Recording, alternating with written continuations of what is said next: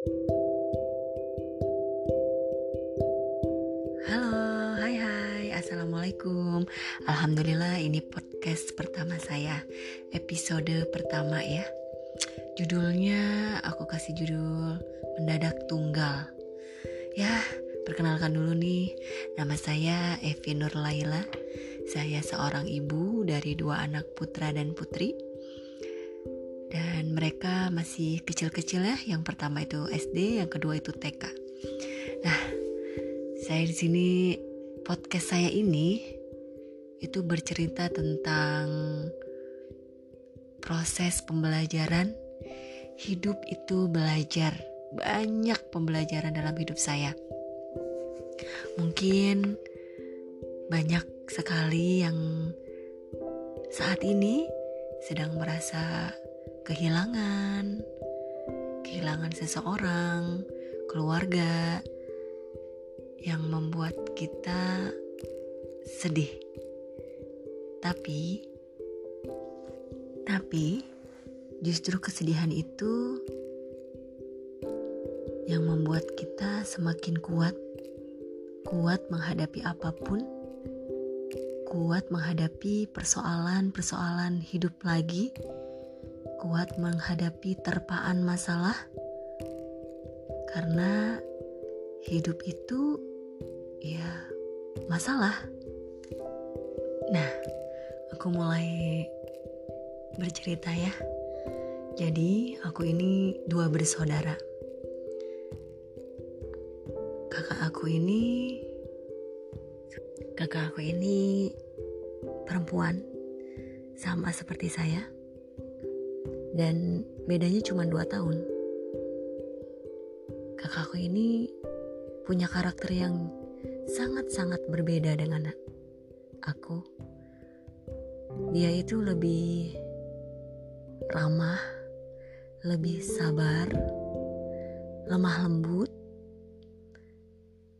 dan ceria. Beda lah sama saya. Maaf ya, kadang saya ngomong saya dan aku grogi. Dan setiap harinya saya tuh lebih dekat dengan kakak aku. Karena kedua orang tua saya itu sibuk. Tidak hanya sibuk bekerja di kantor, tapi mereka berdua punya kegiatan masing-masing. Ikut organisasi dan di dalam organisasinya juga bukan anggota biasa. Pengurus dan lain-lain lah. Jadi dari kecil saya sama kakak saya lebih banyak waktunya dari pagi sampai sore atau menjelang malam itu sama mbak di rumah dan kakak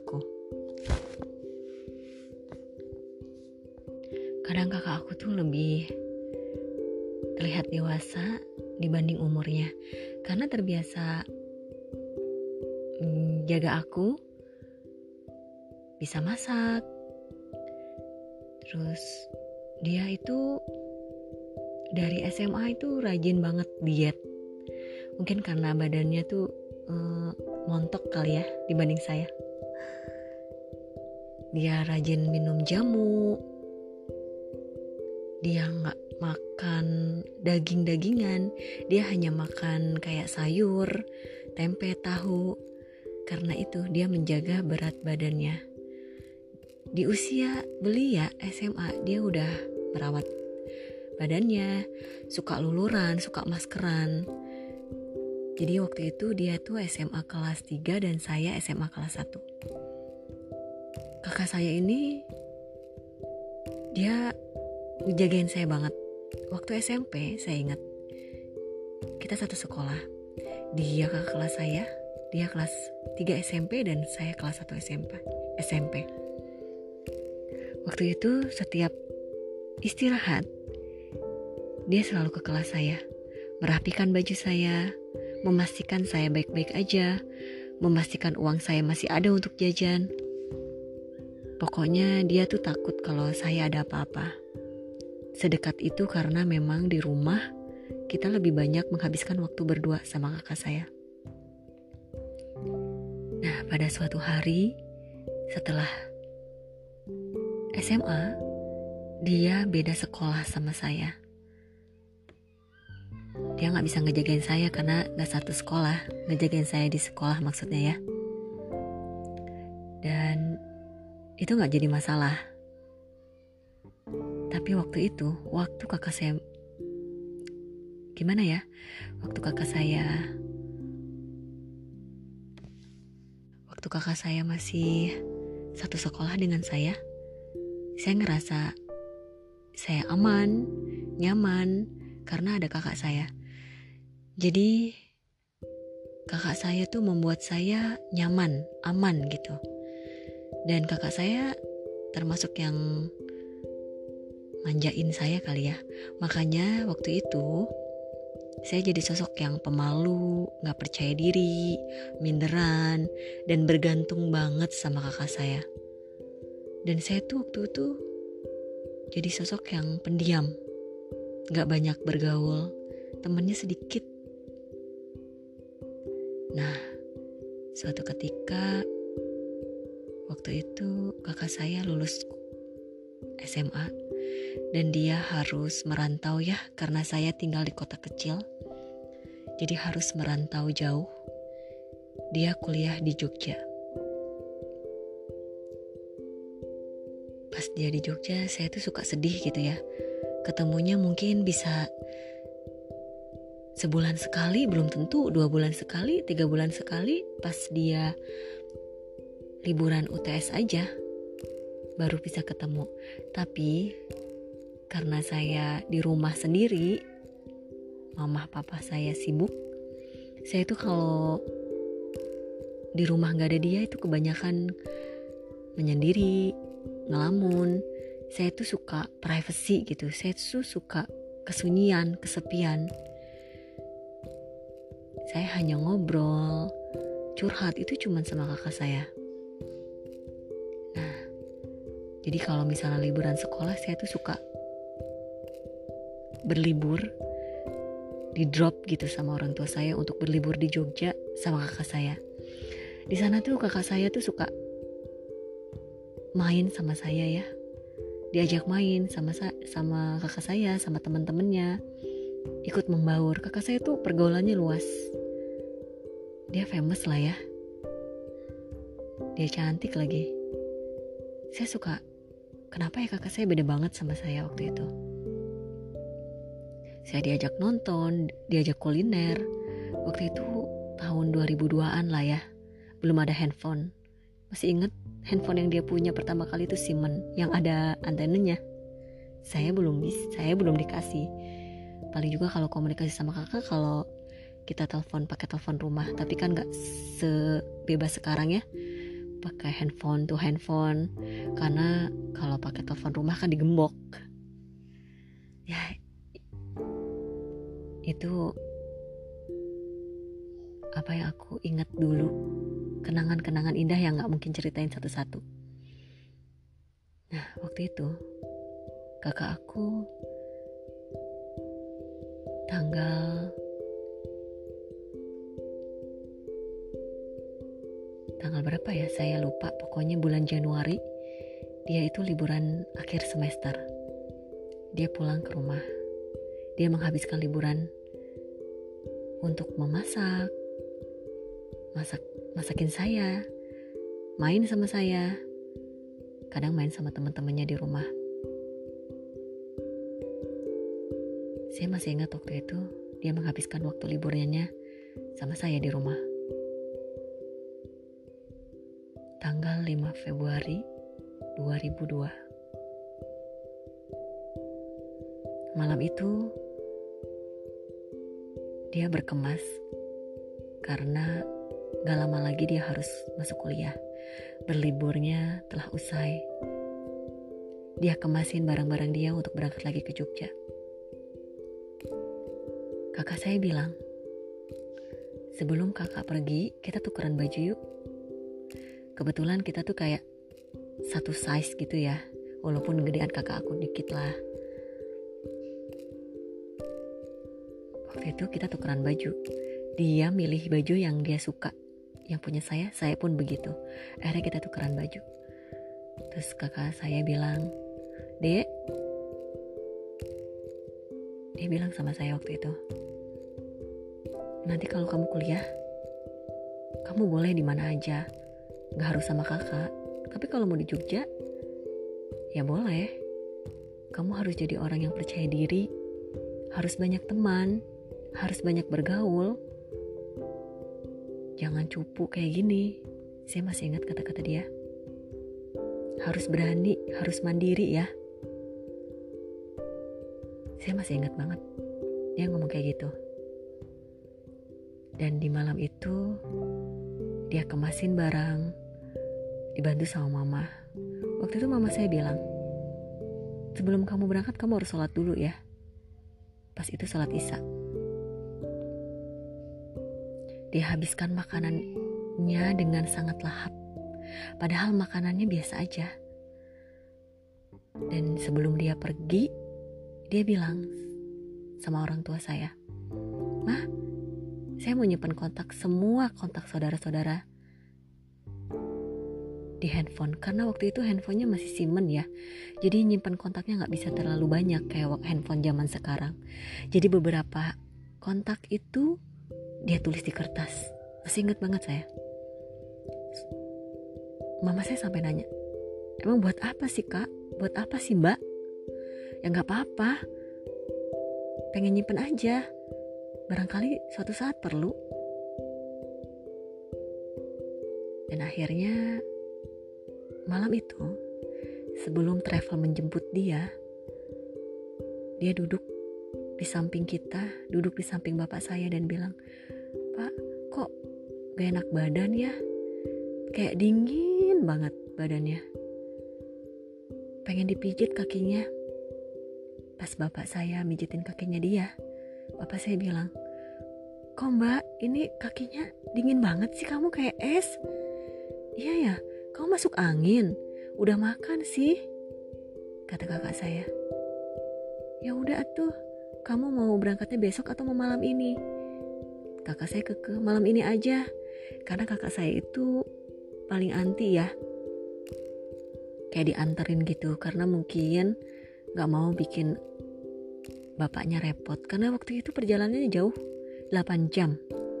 Dan dia itu suka pakai travel langganan ya. Jadi sekolah, jadi di daerah saya yang anak-anaknya sekolah di Jogja itu kebanyakan memang pakai travel karena di travel itu ya banyak fasilitas. Mobilnya besar dapat snack dapat makan.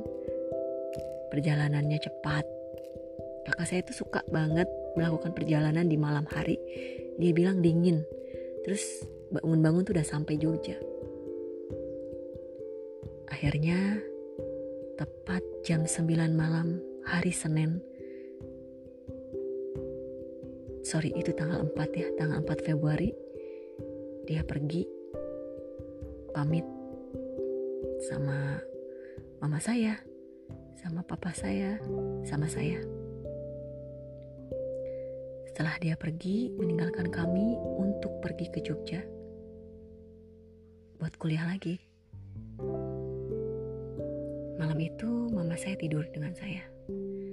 Dan tepat di jam 2 pagi mama saya kebangun dan membangunkan saya. Dek, kayaknya ada mbak loh di depan kayak manggil-manggil mama. Saya masih ingat betul.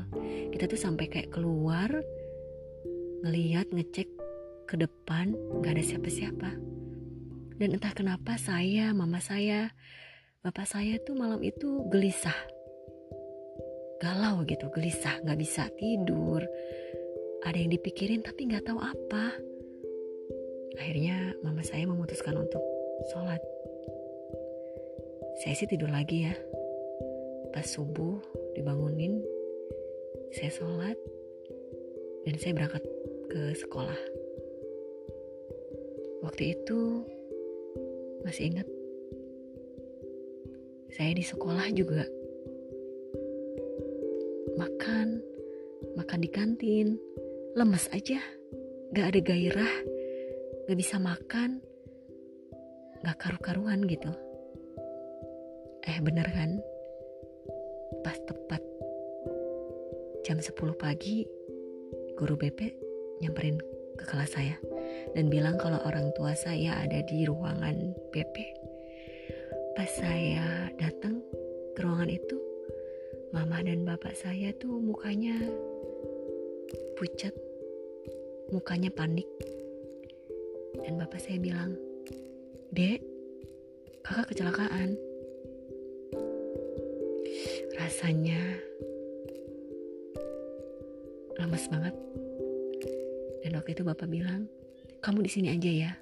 Mama sama bapak sama om bakal jemput kakak ke Jogja. Saya pengen ikut sebenarnya tapi saya nggak bisa berkata apa-apa. Saya kelu. Bibir saya kelu. Saya nggak bisa ngomong apa-apa. Dan akhirnya saya balik lagi ke kelas. Waktu saya balik lagi pun saya sempat jatuh di lapangan basket karena lemes. Gimana sih? Ngedenger kakak kita terjadi sesuatu. Dan gak lama setelah itu istirahat sekolah dong pada saat istirahat saya mencoba untuk makan karena dari pagi saya belum bisa makan apa-apa Gak tahu apa yang dipikirin, ternyata itu perasaannya gak enak karena ternyata kakak saya kecelakaan. Gak lama saya sedang makan, saya masih ingat itu, hujan-hujan. Dan hari itu, tanggal 5 Februari 2002. Bu guru itu ngeliatin saya dari jauh dan dia melambaikan tangannya kasih kode kalau dia itu manggil saya dan suruh saya datang menghampiri gurunya. Pas saya menghampiri guru saya, saya bilang, "Kenapa, Bu? Evi Evi pulang ya?" Perasaan saya tuh udah betul-betul gak enak. Saya gak nanya lagi kenapa saya harus pulang. Saya langsung mengangguk. Pikiran saya sudah kacau waktu itu. Saya ambil semua perlengkapan sekolah saya dan saya diantar sama pihak sekolah. Perjalanan ke rumah saya banyak sekali pertanyaan yang ada di dalam hati saya, tapi saya nggak bisa bilang sama siapa-siapa. Gak lama karena jarak sekolah sama rumah nggak terlalu jauh ya. Saya datang ke rumah rumah tuh udah sangat ramai. Wah, perasaan saya begitu kacau. Pas saya masuk ke rumah saya, di pintu rumah saya itu teman-teman kakak saya menunduk semua. Dan di ruang tamu, bapak saya menyambut saya. Bapak saya bilang, Dek, Sabar ya, Mbak nggak udah nggak ada. Mbak Emma udah nggak ada.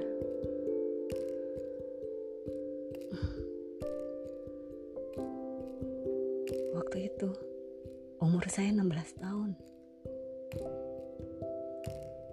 Di hati saya, di pikiran saya, saya sudah merasakan kehilangan di usia muda itu hari terburuk, itu hari terberat saya, 5 Februari 2002. Saya kehilangan kakak saya untuk selamanya. Kebayang gak sih, kakak saya itu meninggal dalam keadaan tragis, kecelakaan.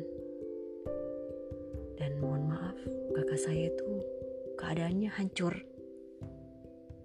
Bahkan dia pulang dalam keadaan dipeti dan petinya pun tidak boleh dibuka sama pihak rumah sakit karena keadaan yang hancur.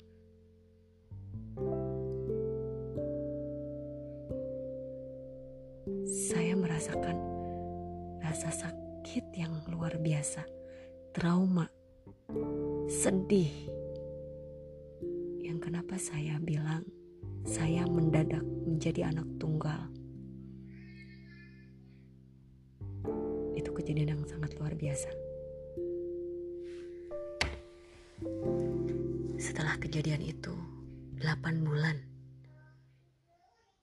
8 bulan loh mama saya harus berperang untuk melawan kesedihannya. Berperang untuk bisa kembali seperti awal. Berperang untuk menjadi ibu yang dengan kondisi baik-baik saja untuk saya dan untuk bapak saya itu nggak mudah saya masih ingat pada kejadian kakak saya meninggal itu, ibu saya sedang sidang skripsi. Waktu itu dia ngambil S2. Saya masih ingat. Gimana? Coba. Besoknya sidang, hari ini anaknya meninggal. Dia lebih berat dari saya. Hanya saya, mama saya dan bapak saya yang tahu bagaimana beratnya kehilangan anggota keluarga. Orang tua saya kehilangan anak dan saya kehilangan saudara satu-satunya saya. 8 bulan ibu saya sampai dibawa ke psikiater karena setiap pulang kerja dia nggak bisa ngapa-ngapain dia nggak bisa minum dia nggak bisa makan dia hanya bisa ibadah dan ibadahnya itu sholat dan setiap sholat nangis setiap ngaji nangis. Tapi hebatnya ibu saya. 8 bulan dia harus menjalani itu. Dan akhirnya kami berhasil melewati kesedihan itu. Di situ saya ambil pelajaran yang begitu besar. Kita kehilangan seseorang, tapi bukan berarti hidup kita selesai. Hidup kita berhenti. Tidak hidup kita tetap berlanjut. Hidup kita terbentang ke depan. Kita harus melanjuti hidup kita dengan sekuat tenaga. Bagaimana rasa sedihnya kita memacu kita untuk tegar, kuat, dan satu-satunya yang tetap bisa membuat saya tegar. Saya melihat orang tua saja mampu kehilangan anaknya. Kenapa saya tidak? Hikmah dari kehilangan kakak saya itu, saya menjadi pribadi yang mandiri, menjadi pribadi yang kuat, menjadi pribadi yang percaya diri, karena saya berpikir tidak ada lagi yang bisa menolong saya selain diri saya selain orang tua saya dan selain Allah. Saya mau kuliah di mana saja. Saya nggak punya saudara, sekalipun saya anak tunggal saya harus tetap maju. Dari situ saya belajar kalau saya nggak mau gini-gini aja. Saya nggak mau bergantung sama seseorang, even itu cuman kakak ya. Di situ saya pertama berjanji sama diri saya, saya nggak akan pernah mengungkapkan kesedihan saya ke orang tua saya. Karena orang tua saya itu hanya punya saya. Bayangkan kalau kita sedih, apa-apa sedih saya ceritain, apa-apa sedih saya ceritain. Bagaimana dengan orang tua saya? Orang tua saya akan lebih khawatir dengan keadaan saya. Saya menunjukkan ke orang tua saya kalau saya mampu, saya kuat. Biar mereka itu tenang, melepaskan saya kuliah ke Bandung waktu itu, melepaskan saya untuk berumah tangga, melepaskan saya untuk meraih masa depannya, bersekolah di luar daerah yang gak satu rumah lagi sama kedua orang tua saya. Itu berat loh, karena apa? Kedua orang tua saya itu hanya punya saya. Saya itu anak tunggal. Tapi hebatnya orang tua saya, mereka melepaskannya dengan ikhlas untuk masa depan saya, untuk kebaikan saya, agar saya kuat, mandiri, tangguh. Kalau suatu saat orang tua saya nggak ada, orang tua saya yakin kalau saya bisa melewati hal-hal terburuk karena kamu, ya, karena saya sudah kehilangan seseorang di usia muda. So, pengalaman yang saya share tentang kehilangan kakak saya ini, tentang menjadi anak tunggal ini. Semoga orang-orang di luar sana nih yang lagi patah hati, yang lagi kehilangan, apalagi kehilangan orang yang dicintai anggota keluarga, nikmati kehilangan itu, nikmati kesedihan itu, sampai kesedihan itu betul-betul pergi. Dan kamu menjadi pribadi yang baru, yang kuat. So, tetap semangat. Bye.